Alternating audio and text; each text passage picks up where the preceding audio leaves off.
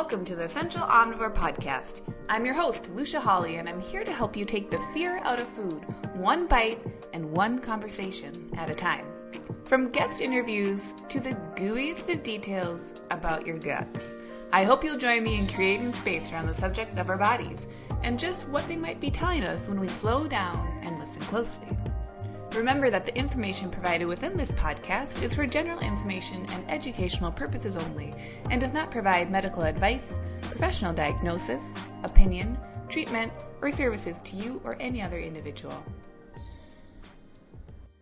Hey everyone, welcome to another episode of the Essential Omnivore podcast. I am just so very happy to introduce my guest for today, Liz Winters. If you follow me on Instagram or you've been around for a while, you know that Liz and I are really close friends, and I so respect her opinion and how she leads her life and her amazing family. Uh, she is the owner of Liz Winters Wellness, which I will link up in the show notes per usual. And I wanted to get Liz on here so that she and I could have a conversation that would be more in depth, basically on the subjects that she and I talk about all day long.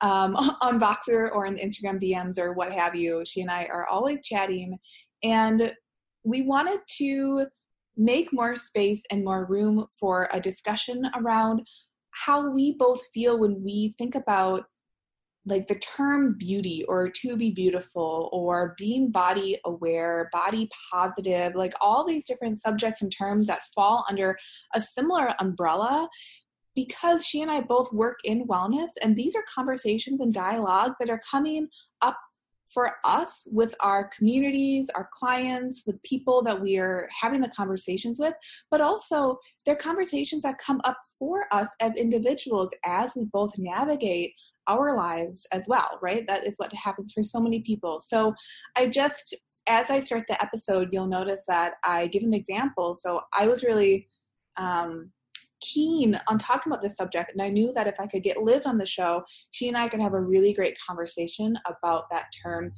beauty and beautiful and all related terms. So I cannot wait for all of you to dive into this episode and to learn and listen to Liz because she just offers so many wonderful learning points. So let's get to it. Okay, so the reason I wanted to have Liz on, A, Liz is a really good friend of mine. So Liz and I chat a lot anyway. Yeah. um, but we, I, I feel like Liz and I have had a parallel, maybe in some capacities, the last month or so, speaking of March and April, um, when it comes to just like views on body health, body size, and like the idea of what beauty is, or like what the word beauty can entail. So that's kind of what I wanted us to chat about today. I love it. I'm so excited. Yeah. I feel like there are some movements happening right now where people are saying, like, love your body, right? Like, mm-hmm. anything, any part of your body that you don't love, call it beautiful and work towards really considering it to be beautiful. So, like, what? Stretch marks, loose skin, you know, your right. chin, the, the parts of your body, your belly, all those parts that we can have issues or trouble with because of our culture. So, the, I'm just giving people some background. The reason why I wanted to hop on here was because I've been noticing that there is, and this is what I think happens, there's pushback to that pushback that's occurring right now, which is natural, right? Right. But I'm seeing people pushing back against, like, love your stretch marks. Your stretch marks are beautiful. Those tiger stripes are amazing. Tiger stripes.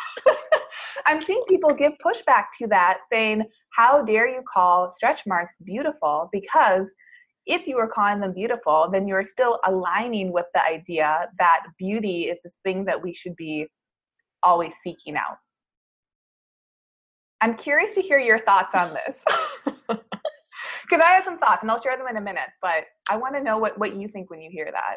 Well, I mean, that's something that we run into in postpartum world all the time. It's either one end of the spectrum, like get your body back, right? or the other end of the spectrum own your tiger stripes mm-hmm.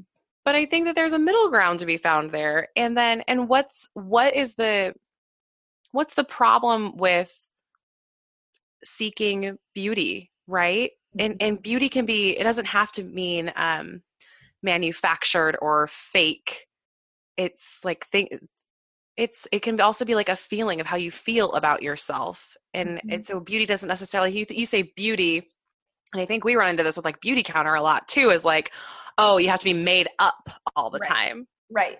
but those aren't the same things right being made up and you know preened or whatever Yeah. is not the same thing as necessarily beauty and it, they can be the same thing but they don't have to be and i think it's going to mean something different for everybody Yeah, and I was curious about that. So I looked up like what's the definition of beautiful?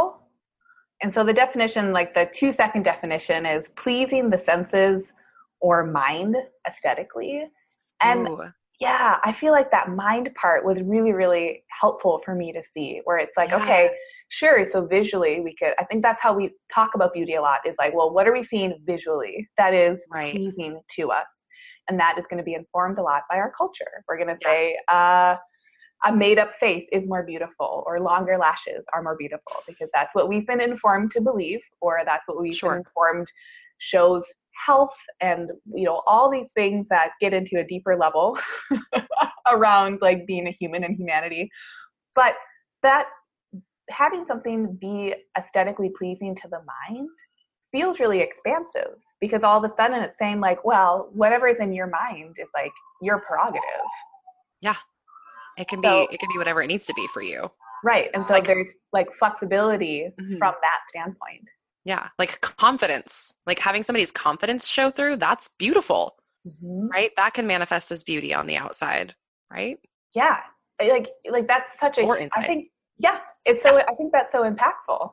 And so our definitions of beauty i think we get to use that word but we can't be as uh, literal maybe as people want to take it. Do you think it has something to do with who the beauty is for? Is that the problem that people are running into? Maybe. Like why why do you feel like you need to be beautiful?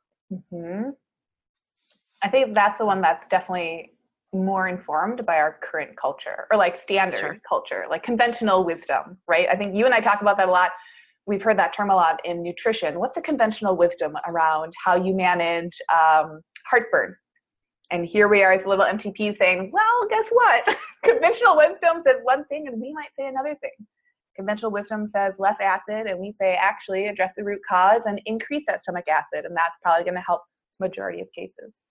So starting to like battle against that conventional wisdom. I think that's why i just wanted to have this conversation because i i never want to tear down what other people are saying but i noticed i felt really triggered by this like counter rebuttal where people are saying you can love yourself and you can feel beautiful and there was that rebuttal saying mm, but you should you shouldn't feel beautiful. You shouldn't strive to feel beautiful. You should just be happy with the way you are. Right. Or you should only be neutral neutral. And i think there's a place yeah there's a place for neutrality right? Sure. But to not appreciate beauty it seems like that would take away part of our human nature. Absolutely. I mean that's that's part of what makes us human is the ability to appreciate beauty not just from a physical sense but also things that you were talking about like that please the mind. Yeah. Like that that's part of humanity that's art and culture. Yeah. I And think one of our one of our um esthetician friends was describing like makeup for her is a form of creative expression right? It's artistry. And believe me what she does is beautiful. Yeah it is.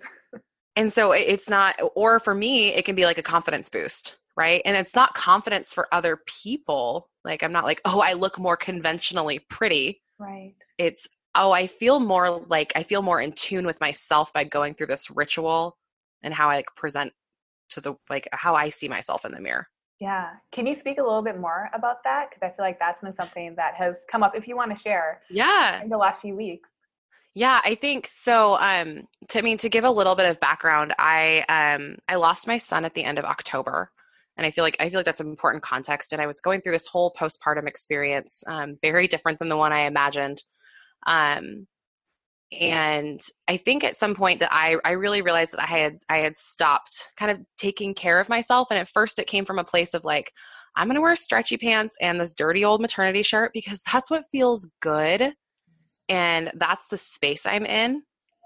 and that was fine like and I, I don't like look back and be like oh i should have put on a stronger face then no not at all um but i did realize in the last month or so that i was like as i'm still wearing like the stretchy pants and that's not the problem is not me wearing the stretchy pants it's kind of the why behind why i'm wearing the stretchy pants is that i feel like there wasn't like enough value in my life to like actually take care of myself and one form of taking care of myself is is putting on clothes that fit me well, fit whatever body I have today, because it is still forever morphing.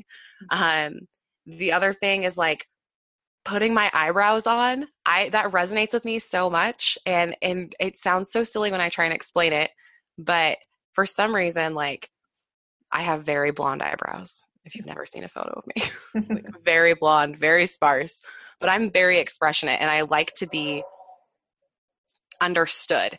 And so just the simple act of like filling in my brows makes me feel like I'm better able to communicate and better able to be understood and show up as myself. Um, yeah, it's been an interesting, interesting journey the last couple months. Yeah, it sounds like what that feels like. Like putting on your eyebrows helps you actually feel like more present and yeah. like more engaged in conversations or that there is more clarity in those moments. Yeah yeah and it's i mean it's something that's so small and so trivial but it's i do it for me i don't do it because you I, you're looking at me and you're like wow i wish her eyebrows were fuller. I can't focus on anything except get, where are the eyebrows? Where are the eyebrows? Exactly right it's for you and i think there's such an interesting play between like discovering that while also being in a society that has changing trends right like right. bigger thicker eyebrows are in right now versus the 90s that we all came through where it's like mm-hmm. pluck them until they're just little tiny until they're gone yeah little spider legs maybe or just maybe. until they're gone yeah oh so God. it's it's that interplay of like okay what culture are we in or what are the trends that we're experiencing as well as like for me or a person and their individual self what do we need right now and i think what you were saying about really feeling like it sounds like you were with the clothing options and dressing yourself making that shift saying like i get to respect myself enough to ask myself like what do i actually want to be wearing right now? And that that changed in the last few months. Yeah exactly exactly. It is kind of a form of self-respect or, or just another form of self-care right? Mm-hmm. you think self-care and you think bubble baths. I never take a bubble bath. Um, but eh, this just finding clothes that fit and make me feel good. I remember like the first pair of jeans I got postpartum this time around where I was like, I feel like hot shit right now. Yeah. That's These are great. Feeling. Yeah. Cause it just it's it's it's not about changing my body. It's not about making my body fit into some sort of norm. It's finding something that makes me feel good. And that mm-hmm. happened to be those jeans. Right, right and I think part of this conversation too, what the other part around, you know, like the, the idea of being beautiful and not conforming to, you know, standards that are occurring right now, and then pushback and the pushback on the pushback. Part of what I was thinking about too, and I'm really very uninformed when it comes to these populations, so I can only speak from a very small vantage point. But I think about, you know, like what is the reclamation of someone who has experienced you know maybe like a shifting gender who decides to undergo different surgeries to feel like they how their body presents expresses more of like who they are fully. How do we support that as well as someone who maybe stays the same gender who is also undergoing surgeries in order to present as more fully themselves? Does that make sense? Oh no it totally makes sense. I, I mean yeah I, I, don't know if I have anything to add yeah. like yeah like how? How do we do this? Yeah how do we do it? Because because we need to hold space for both of those situations or and everything in between right? Right right. And i feel like there's there's like socially acceptable forms of body modifications for some people. Mm-hmm. and then for other people who are getting the same surgery it's how dare you or how i'm thinking of like breast surgery basically. Oh so sure. like if someone is opting to get breast surgery and they identify as having one, you know, history versus a different history, I can see so many different stories and conversations around that that I think naturally come up, but it just makes me curious like if we all have the autonomy and ability to be making these different choices for ourselves and at some point like culture has to disappear into the background. Otherwise, we'll just be chasing each other in circles. And what is the actual point of that? Yeah.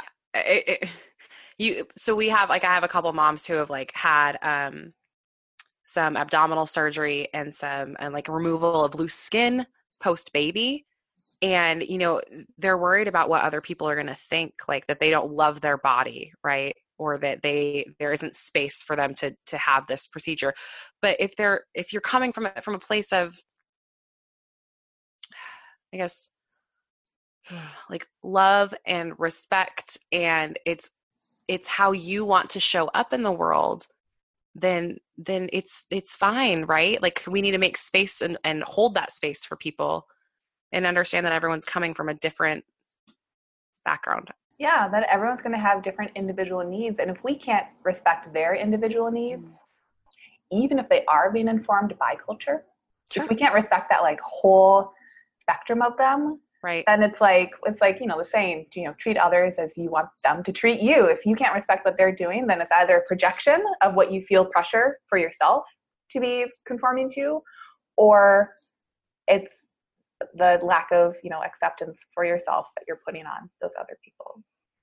Yeah. Yeah. I think i like the the word um and i use this a lot but autonomy in this situation because i think a lot of the justification especially when we modify parts of our body that we have to find some sort of like health cause for it. Mm-hmm. and that's how we we can justify it to the rest of the world. Oh i'm doing this because it causes me lower back pain or right. or whatever right. it might be. But wouldn't it be awesome if you could just say like you know what? This i feel more like myself with this change. Right. And that could be the end of the story and we could be like oh cool. Or if you didn't have to explain it at all. Yeah how about that be a thing no validation needed? Right it's tricky. Yeah. When you are working with people who are going through that postpartum shift and you before you were mentioning a few times like confidence and coming back to that idea have there been any recurring themes that you've noticed with people in terms of like like starting to reclaim that confidence in a body that maybe is shifting a lot month to month week to week like day to day? Yeah i think a lot of it is learning how to reconnect with your sense of self and your body after going through a traumatic event. And it's not necessarily a bad trauma but it was a it's a, a massive undergoing a huge phys- physiological event has occurred. Um, and you are forever changed emotionally and physically from that. And so it, it it leaves you with this question of okay how do i show up in this body that is like you were saying changing and morphing every single day and how do i be okay with those changes and morphs and, it, and it's it's a big it's a big mind game um, and i think one of the themes like that helps people with the confidence is understanding that you know postpartum is a phase in life.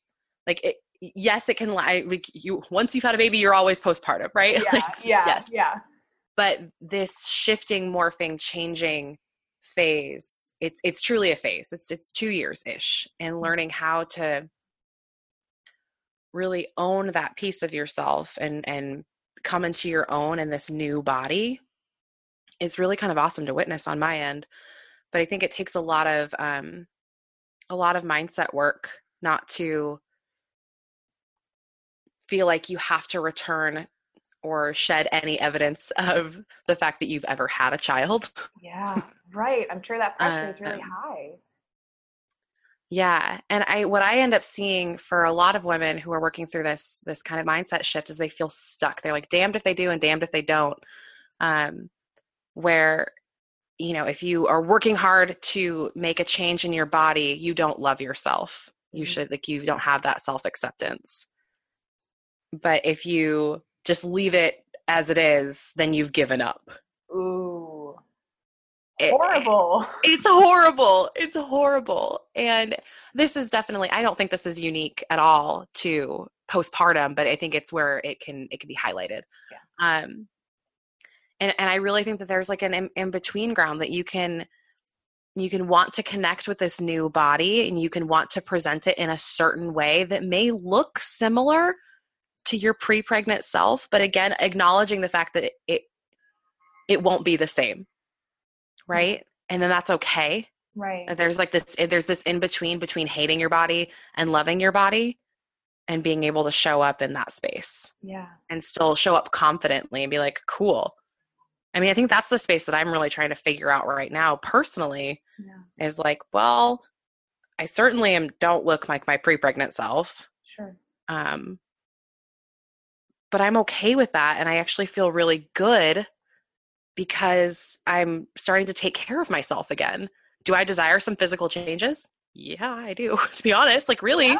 Cool. Um, totally. And, but that doesn't mean that I, I'm not like, I, I, there isn't space for me to show up how I'm feeling right now. Right. Right. That you get to present, anyone gets to present in all the ways, and that they Yeah. are all valid and they don't require validation, Right. and that there's also validity in speaking or appreciating the continuation of change. Right. You don't have to apologize for your body. Yeah. I think that's something I see a lot too. Mm-hmm. Agreed. and again not unique to postpartum but when people are um uh, like i see it on instagram a lot it's just people are, are posting transformation photos of some sort and they're like you know i'm still working on it like i'm still a work in progress they're apologizing for how their body is showing up that day Mm. and, and it's like you don't you can just be a body Yeah. and Your what i'm starting to like 100% complete Yeah. right now. right right or the the um the common like oh, i'm five months postpartum and this is just what postpartum looks like and it sucks and i'm squishy and i was like you don't like you can just show up you don't have to give an explanation Yeah. i love love love that people are willing to say like here is what a postpartum body looks like right. i think that's phenomenal but if we could just stop the sentence there and not say i'm sorry Yeah. Not have to like back paddle around it. right Just allow it to be. hmm I mean, we could probably see the same thing happening with, you know, people who are like making themselves up, being like, well, this is my natural face and I'm sorry. Yeah. what? what? Or Your I, I'm made face up. I'm sorry. I have so much makeup on. I'm sorry. Like, stop mm-hmm. apologizing. Yeah. Girl, stop apologizing. I haven't read that yet. Neither have I. but I appreciate the title because it's re- it is really true and it's very telling. I met someone last month who apologized about the shape of their toes. I'm sorry. What? Yeah. Well- they apologized about they were barefoot. We were hanging out, and they were like, "I'm so sorry. I have these like stubby little toes." And they went on and on until someone else changed the subject. And I think it's really telling too because I, in food and nutrition, in mindset, and all this stuff, I think I get into my certain bubbles. And my certain bubbles are fairly body positive or body, you know, body difference affirming. So I know that I come to like meeting newer people with a different lens. But also I was like, whoa, wait, how how does one show up in those conversations, you know, where you don't want to be denying someone how they're expressing themselves? Like you have every right to hate your toes if you want to, but do you want to? Or do you feel like you have to? Yeah, do you feel like you have to? Are you feeling pressure to hate those like precious, beautiful toes? Like they're toes. They don't fit the societal norms of Oh. what toes are supposed to, what are toes supposed to look like? I don't know. I feel like I'm like not self conscious about my toes. I feel like there are just too many different types of toes to even. How do we even get there? Toe surgery 101. So, how do you think we as humans moving in the world distinguish between the pressure that we're fe- or is felt from, you know, the cultural norms of toes and how we actually feel about our own toes? I feel like maybe one of the first steps, and this is maybe just personal experience, right? Because I can't speak for much else, but is starting to tune out the noise and identifying that you have the right to like like turn that dial down, like turn the volume down. So so much of us, so many of us are on social media, and it might sound trite or cliche, but really like unfollowing the accounts that are leaving you feeling like you are either less than or that your cup is less full or that you are if you're experiencing like a, a feeling of lack identifying where that lack is coming from. And then not that you have to hate that or like take issue with it, but simply like stepping aside and saying, I get to like hold off on this for now. I think that can at least just create space for our brains to start to have newer or different or return to old patterns that are maybe more like appropriate for ourselves individually. Yes, I love that. Curating the social media feed. It's a big I mean, deal. It's a huge deal because that's like that's your space. Like Mhm. you're allowing people to come into your life and you have a say about who gets to talk to you in that world. Um so that follow and follow, like choose it, right? I think that's thing. actually made a huge difference for for myself personally, but also for a lot of my clients. I'm like, look at who you're following on social media. Yeah. Are you following the person who says that they got their six pack abs back six weeks postpartum and like good on them, not to villainize that because that can exactly. that happens for some people, right? And like that's not their fault. This is not villainizing any types of body, any types of bodies, but also like finding the things like you said that fill your cup and make you feel like don't leave yourself questioning. hmm Right. Do And I need the eyelash extensions? Yeah. I mean, now I wonder. and now it's take it, it's almost like um, honoring less decision fatigue because it, it makes me wonder you know like the example with the toes it's like oh my gosh if you if you hate your toes if you're this person wasn't making a joke they were you know it was a, like a side comment that really was like oh there's something deeper there. If you really hate your toes you're thinking about your toes a lot or at least a lot in the context of your history and your life. So if we can take away some of the power of the toe talk then what like what else does your beautiful amazing brain get to think about or does it at least get to take a break Right. That's a lot to carry. it's a lot to carry Yeah. and your toes are already carrying all of you so Carry like all of you. back. They're just trying to carry their toes. And you can't get anywhere if you're trying to carry your toes. Think about that. were you gonna roll around Yeah, it's a lot of rolling. oh man Welcome for that visual. It's so good. But even, you know, for people who might not have their toes, like we could go there too, you know. I, I mean, I seriously though, like people who don't have that opportunity to have certain body parts, I think part of that body neutrality or like positivity or any label that isn't like body negativity is just saying like, can we respect these parts of our bodies that like we've been given and do what we want from there in any direction? Right. Because again, you don't have to love something to respect it. I think there's a different difference in there or ha- to see that it has value. right. Um, like you, you can you can not love the way that you show up in the world and be like okay and and just like end of statement right so Yeah. maybe that maybe that does lean towards that more neutral phase i don't know Right. It takes some of the power away from those Mhm. other other subjects. Yeah.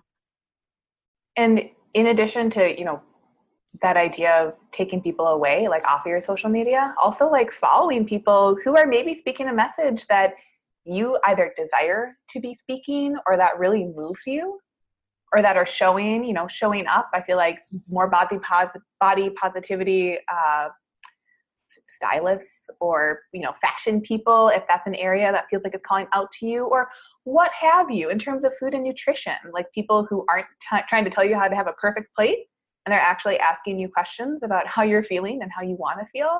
There's so many different avenues where the social medias are actually really cool because they create access to those different dialogues if we choose to be a part of them.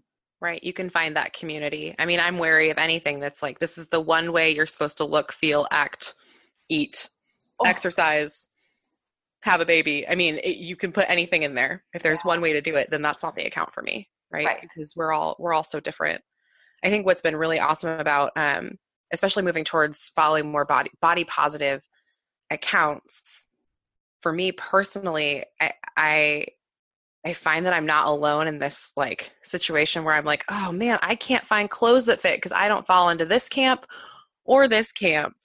And like I did this like box try on thing on social media like a week or two ago. And I was like, well, this is terrible, but like here's like here's the size that I'm wearing.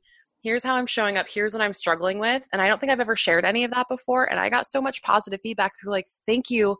It's so nice to see like somebody else that wears the same size pants that I do and like see how their body shows up and see how you know that they're running through the same struggles and like oh cool i found this resource and this resource so it's again it's you can find that community and you know that again i think i feel like it's like it can be a confidence builder if you if you let mm-hmm. it.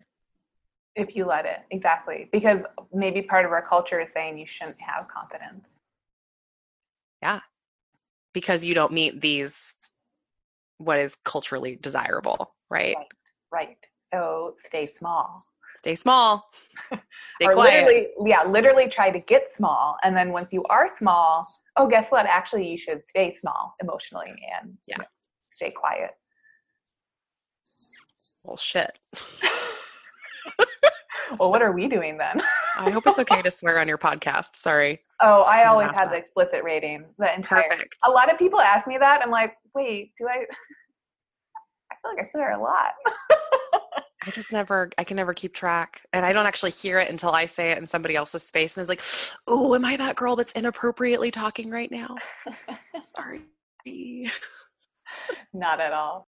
I mean, you can even look at that creative expression. What I've really appreciated about the few episodes that I've seen of American Idol is that they aren't looking for one particular sound no. Which I think is so important because at least the first season that I remember when I was like 16 or maybe younger than that and watching it, I'm like, oh, okay, this is what a pop star needs to sound like. And I was 14 or 16. And of course, I wanted to be a pop star. What else was I going to do with my yeah, life? Yeah, exactly.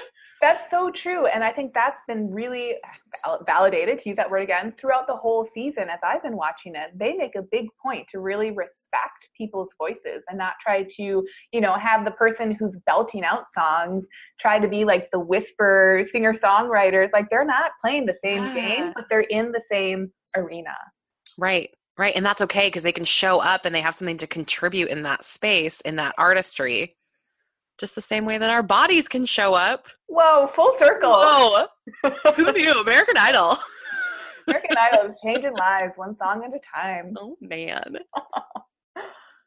and even how that show has changed too. Mm-hmm. I mean, the what they were talking about, I would say it's almost like 15 years ago. It's probably when I was watching it.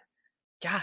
How artists were coming on stage or how they were presenting their own stories or like validating their stories to what they're, you know, offering now is yeah. I think it's a little bit night and day. So right. It also goes to show that culture changes. And so like the more that we as people allow ourselves to show up to our bodies and meeting them where they're at, I think that's really profound. Right. Because I mean you can you can adopt what is being portrayed out there, right? But you can do it from a place that feels good and that doesn't, doesn't have to feel like you have to do it. Right. Right? Like crop tops. They're all the rage right now. I feel empowered to wear them. I won't though because yeah. I don't feel good in them. Free choice right there. Free choice right there. I'm wearing a hoodie right now that is for my tall body is like a crop top. It's intentionally cropped and then it's also extra cropped. Extra cropped. Every, every, and it's like a reddish color. Liz can see it, but for everyone listening, every time I wear it, I'm like, this is my Winnie the Pooh and I love it. I'm like, you know what? Winnie the Pooh did it. There's that whole meme. But like Winnie the Pooh did it. I'm gonna do it too. Right. Do you have any takeaways for people at the end of this episode? Maybe one, it sounds like, is checking in on your social media, right? Like who are you allowing to show up to your space? And who can you either step away from or just like check in on versus having them pop up like with if your consent right when you're like following someone anything else that you've noticed maybe from that like kind of postpartum lens in terms of supporting confidence or boost boosting confidence. I think one big thing also was like dressing yourself or letting yourself like invest in yourself. Is there anything else that comes just like top of mind for you? Those two things definitely. Like investing in yourself curating your feed so you're surrounding yourself with things that make you feel good but also allowing yourself to create some space between any any kind of stressors and like how you respond to it. Mm. um and i it, i think of that like from what you see in um like in your social media feed but also just like when you're around your house and you're moving in your body and you're like oh i hate this or whatever kind of negative emotion comes up and just pausing rather than like brushing it off and walking the other direction, like pausing and going, okay, wait, hold on. Like, do I actually hate this? What's going on here? Just giving yourself, it doesn't have to be like a 10 minute inner dialogue with yourself. Yeah. Just like a pause and sh- shifting, kind of shifting your inner narrative and checking in that it is actually yours and not somebody else's. Mm. I think that that can be really, really helpful because once we start to, like you said earlier, like cutting out the noise, sifting through the noise, we can start to hear our own dialogue, our own narrative. Yeah. And the more we can hear that, I think that's one of the best confidence boosters because you can stand in your own. Be like, this is what, this is how I'm showing up in the world. And I don't have to explain any of it. Like, this Right. is just me. That's so powerful. Like it's like uncovering your own narrative and the, like Yeah. trusting that uncovering because I think that trusting yourself to start to do that is like the toughest part because it's so scary because we might Oh, know exactly what it's saying or we might not know at all what it's saying because it's been so buried. Yeah. Or you like not, you don't know what the narrative is, is anymore. Right. It, and it might be totally different, especially going through something as big as becoming a, a parent. yeah. Um, because this is not just, you know, not just for people who have given birth, right? Like Sure. Just that that whole transition. that whole transition. Um, your your narrative is going to be different, and it's okay for it to be different. Yeah, maybe that's part of it too, is actually shifting the focus. Instead of saying things have to stay this one way the whole entire time, and it has to, right? It's like coming back to like your before baby body. Right. It's like, oh, okay, that's what I have to do. It has to go back to that. Mhm. Changing it and saying, well, actually, maybe my expectations should be changed. And even though I don't know what the change will be, if I can at least expect change, Mhm. it's like I feel like with business, you and I obviously do business. We're entrepreneurs or you know, work for ourselves. And like the more you get into this field, I feel like the more you really hear, you actually have to expect negative feedback. Yeah. Right? You can't pretend that everything is going to be daisies and tulips and all it's all sunny Mhm. if you do, you're going to set yourself up for disappointment. But if you can actually expect negative feedback, it's going to make it so much easier when you actually receive it.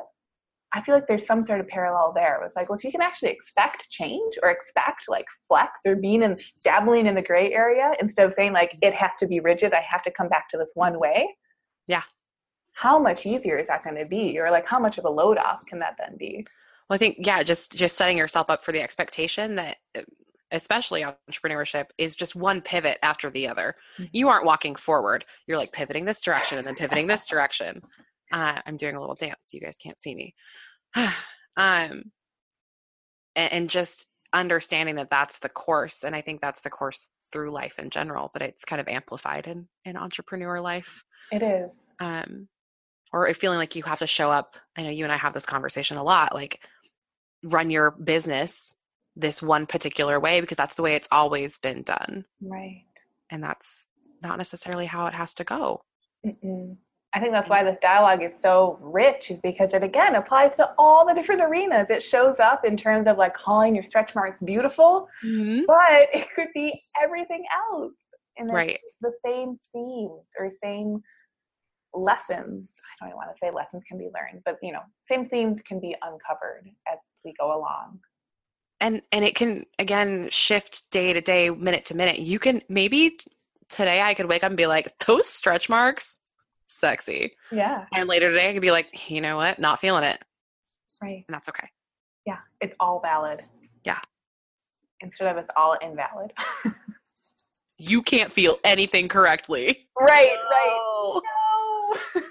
No. It was that's how we're set up Well, I think we're set up to have things be right or wrong. Yeah. Good or bad. We're set up to have these juxtapositions or differences or like yay or nay, black or white, right or wrong, yes or wrong. no, all the things. Those are just, again, I'll keep saying it. Those are like cultural structures. well but they're easy to understand too yeah, they take out some we're of the drawn to that. fatigue. Right. yeah decision fatigue That's Right. really We're, we're drawn to it. And I think if we can respect that, like respect that we're drawn to it, instead of then having one more thing to beat ourselves up about, like, oh, how did I think that food was so black and white? right No, you thought about that. Like you got there for a reason. It's part of the journey, it's part of the path. Yeah. If you want to stay there forever in any of these contexts, awesome. If you want to change or shift or pivot, that's awesome too. that's fine It's all okay. because you're an autonomous human. You You're got autonomous this. Human, yeah, you got this. Man. I know that it that well it depends answer. I, people hate that. They hate it so much. Yeah. And when you're talking about food, especially when you're talking about fitness or like pregnancy and postpartum, pregnancy and postpartum is one giant gray area. Mm-hmm. We like to get we like to, especially as professionals, make it sound like there are these black and white rules, but there really aren't. You're like, okay, I'm I'm eight weeks postpartum. What can I do? I'm like, well, I mean, it kind of depends. Like, what do you like? Let's let's chat more. You know, like there's so many different things. Right. It's a gray area and then finding community within that gray area. Yeah. Getting where- uncomfortable. Getting uncomfortable. Getting comfortable with being uncomfortable. There we go. Yeah. Makes more sense. Where can people find you? Because I think a lot of people are going to be really interested in this dialogue, specifically around, you know, like postpartum or like body shape or just refinding confidence and all the things that you've offered on this show. Oh, Um, well, so my stuff is kind of shifting right now. That's great. So I'm 90% sure you're going to be able to find me at lizwinterswellness.com, which I am very excited about. If you can't find me there, then it's sproutwellnesspdx.com. I have one on Instagram too. On Instagram at Sprout Wellness. Cool. Again, right now. It's all shifting because I'm awesome. pivoting. We're all, hey, we're all in transition. Right. I got these cool things called show notes where I'm going to link up both of those accounts, all four of those accounts. Perfect. Thank you. Thank you for coming on and having this conversation because you guys, I roped, I roped Liz in. I was like, please just talk to me and we're going to record it and we're going to call it an episode because I I, talk was, to you- wait- I I would talk to you any day. yeah, thank you. My brain was like having all the swirling thoughts, and I was like, I, I know someone who will be really helpful in trying to like make some sense around this stuff. So thank you. Hey, thanks so much for joining along on today's episode. For full archives of past episodes, hop on over to essentialomnivore.com or subscribe to the Essential Omnivore podcast on Apple Podcasts or Stitcher.